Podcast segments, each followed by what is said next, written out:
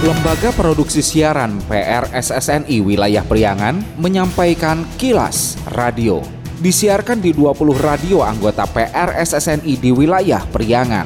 Dan kilas radio edisi kali ini di antaranya mengenai Presiden instruksikan Pemda waspadai tren persebaran COVID-19. Tambah seorang, Garut jadi 86 orang positif COVID-19. Kota Banjar uji coba sekolah tatap muka SMP dan SD. Pendengar, inilah kilas radio selengkapnya. Kilas Radio. Kilas Radio. PR SSNI Jabar Wilayah Priangan.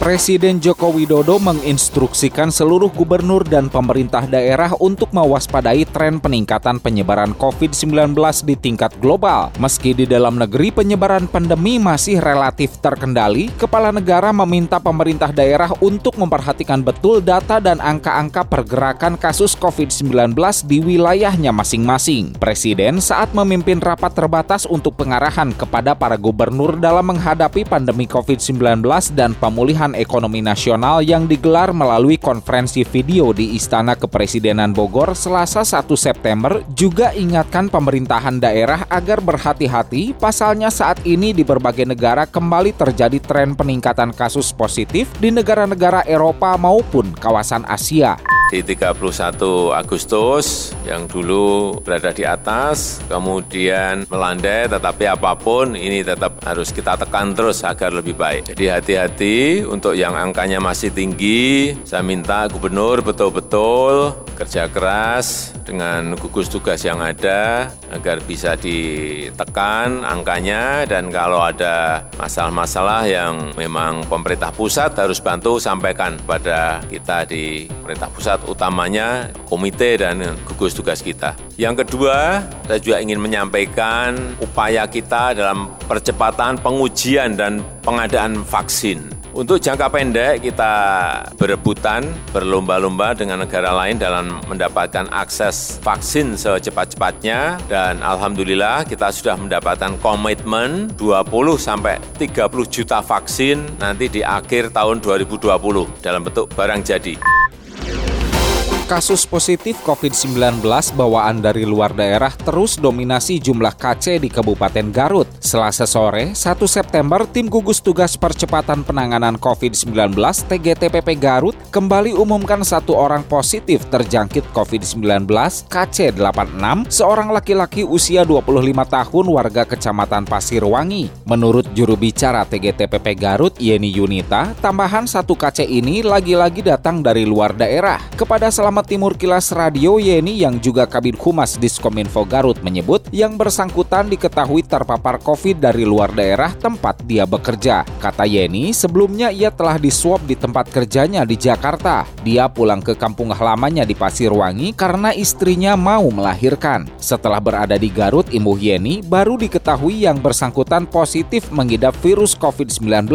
Terkait banyaknya KC tularan dari luar daerah yang terus bertambah, Yeni akui menyesalkan hal itu, namun pihaknya juga mengakui kesulitan untuk melarang warganya pulang ke keluarganya, kecuali sekedar menghimbau agar warganya tetap berhati-hati menerima kedatangan orang dari luar daerah. KC86 ini bekerja di Jakarta. Sebelumnya dia melakukan swab di tempat Jakarta. kerjanya karena memang istrinya melahirkan. KC86 ini pulang ke Garut dan setelah di Garut hasilnya baru ketahuan ternyata positif. Kebanyakan mereka membawa yang dari luar terus pulang ke Garut. Kita sulit ya hmm. untuk menahan orang yang dari luar untuk masuk ke Garut, hmm. dari Garut juga untuk yang mau keluar. Hanya saja itu dikembalikan lagi kepada diri kita, hmm. kepada semua masyarakat hmm. tetap dengan mentaati protokol kesehatan. Hingga Selasa 1 September tercatat kasus positif COVID-19 di Garut sebanyak 86 orang. Dari jumlah tersebut telah dinyatakan sembuh sebanyak 71 orang, jalani isolasi mandiri satu orang, dan perawatan di rumah sakit 11 orang, serta meninggal dunia tiga orang. Halo pendengar Radio Indonesia. Indonesia sudah 75 tahun merdeka. Namun sayang, saat ini Indonesia kembali dijajah. Bukan oleh Belanda, bukan oleh Jepang, tapi oleh virus COVID-19. Begitu hebatnya penjajahan oleh virus COVID-19 ini, sehingga dampaknya merambah ke sektor kesehatan dan sektor ekonomi sekaligus. Tapi saya percaya Indonesia adalah bangsa yang tangguh dan hebat. Jika 75 tahun lalu kita berhasil mengusir penjajah Belanda dan Jepang dari tanah air, maka dengan kegigihan yang sama, sekarang kita pasti bisa berhasil mengusir virus COVID-19 dari bumi pertiwi tercinta ini. Kuncinya, persatuan dan kolaborasi kita semua melakukan tiga hal ini. Memakai masker, mencuci tangan, menjaga jarak. Insya Allah, kita pasti menang.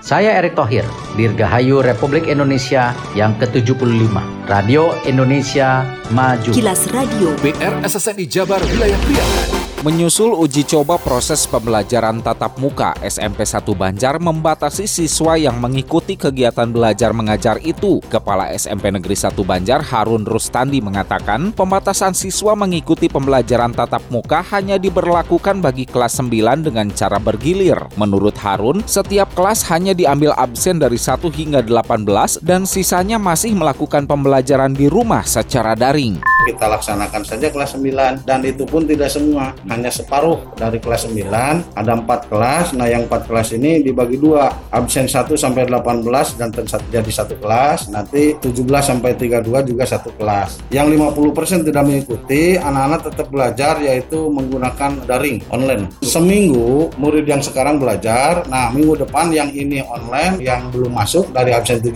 sampai 32 itu KBM tetap muka di sekolah Hal yang sama disampaikan Kepala SD Negeri 1 Banjar Yayat Mariati. Mariati menjelaskan untuk pembelajaran di sekolahnya saat ini hanya untuk kelas 6 dibagi menjadi 4 kelas. Menurut Mariati, pembelajaran tatap muka merupakan kerjasama antara komite, sekolah, guru-guru, dan sepersetujuan orang tua murid.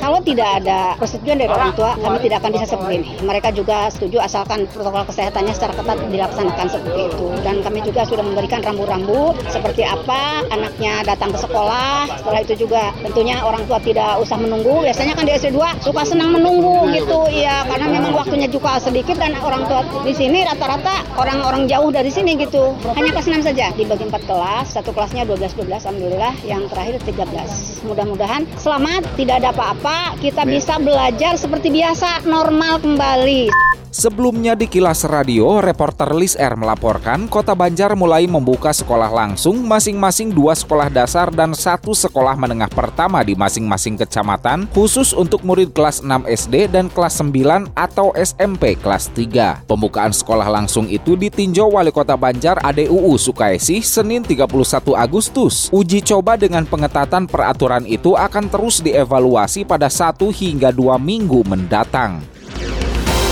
Dinas Perhubungan Dishub Kabupaten Tasikmalaya himbau pemilik kendaraan khusus kendaraan wajib KIR agar secara rutin dengan mengontrolkan kendaraannya. Menurut Kepala Dishub setempat Asep Darisman, dengan melakukan pengecekan kendaraan secara rutin, kendaraan terkontrol dan laik jalan aman bagi pengemudi dan penumpang. Asep mengatakan pengecekan secara rutin kendaraan selain sebagai kewajiban setiap enam bulan sekali, juga dapat mendeteksi kerusakan terhadap kendaraan, apalagi dalam pelayanan Rencananya, Dishub Kabupaten Tasikmalaya telah menggunakan sistem komputerisasi jadi keakuratannya dapat dijamin. Tentu untuk kelaikan jalan ke, yang kedua untuk keselamatan para pengemudi dan penumpang. Jadi ketika mereka mengoperasikan kendaraan betul-betul harus siap dari segi teknis permesinan termasuk juga harus siap dari segi SDM. Supirnya juga harus siap betul-betul.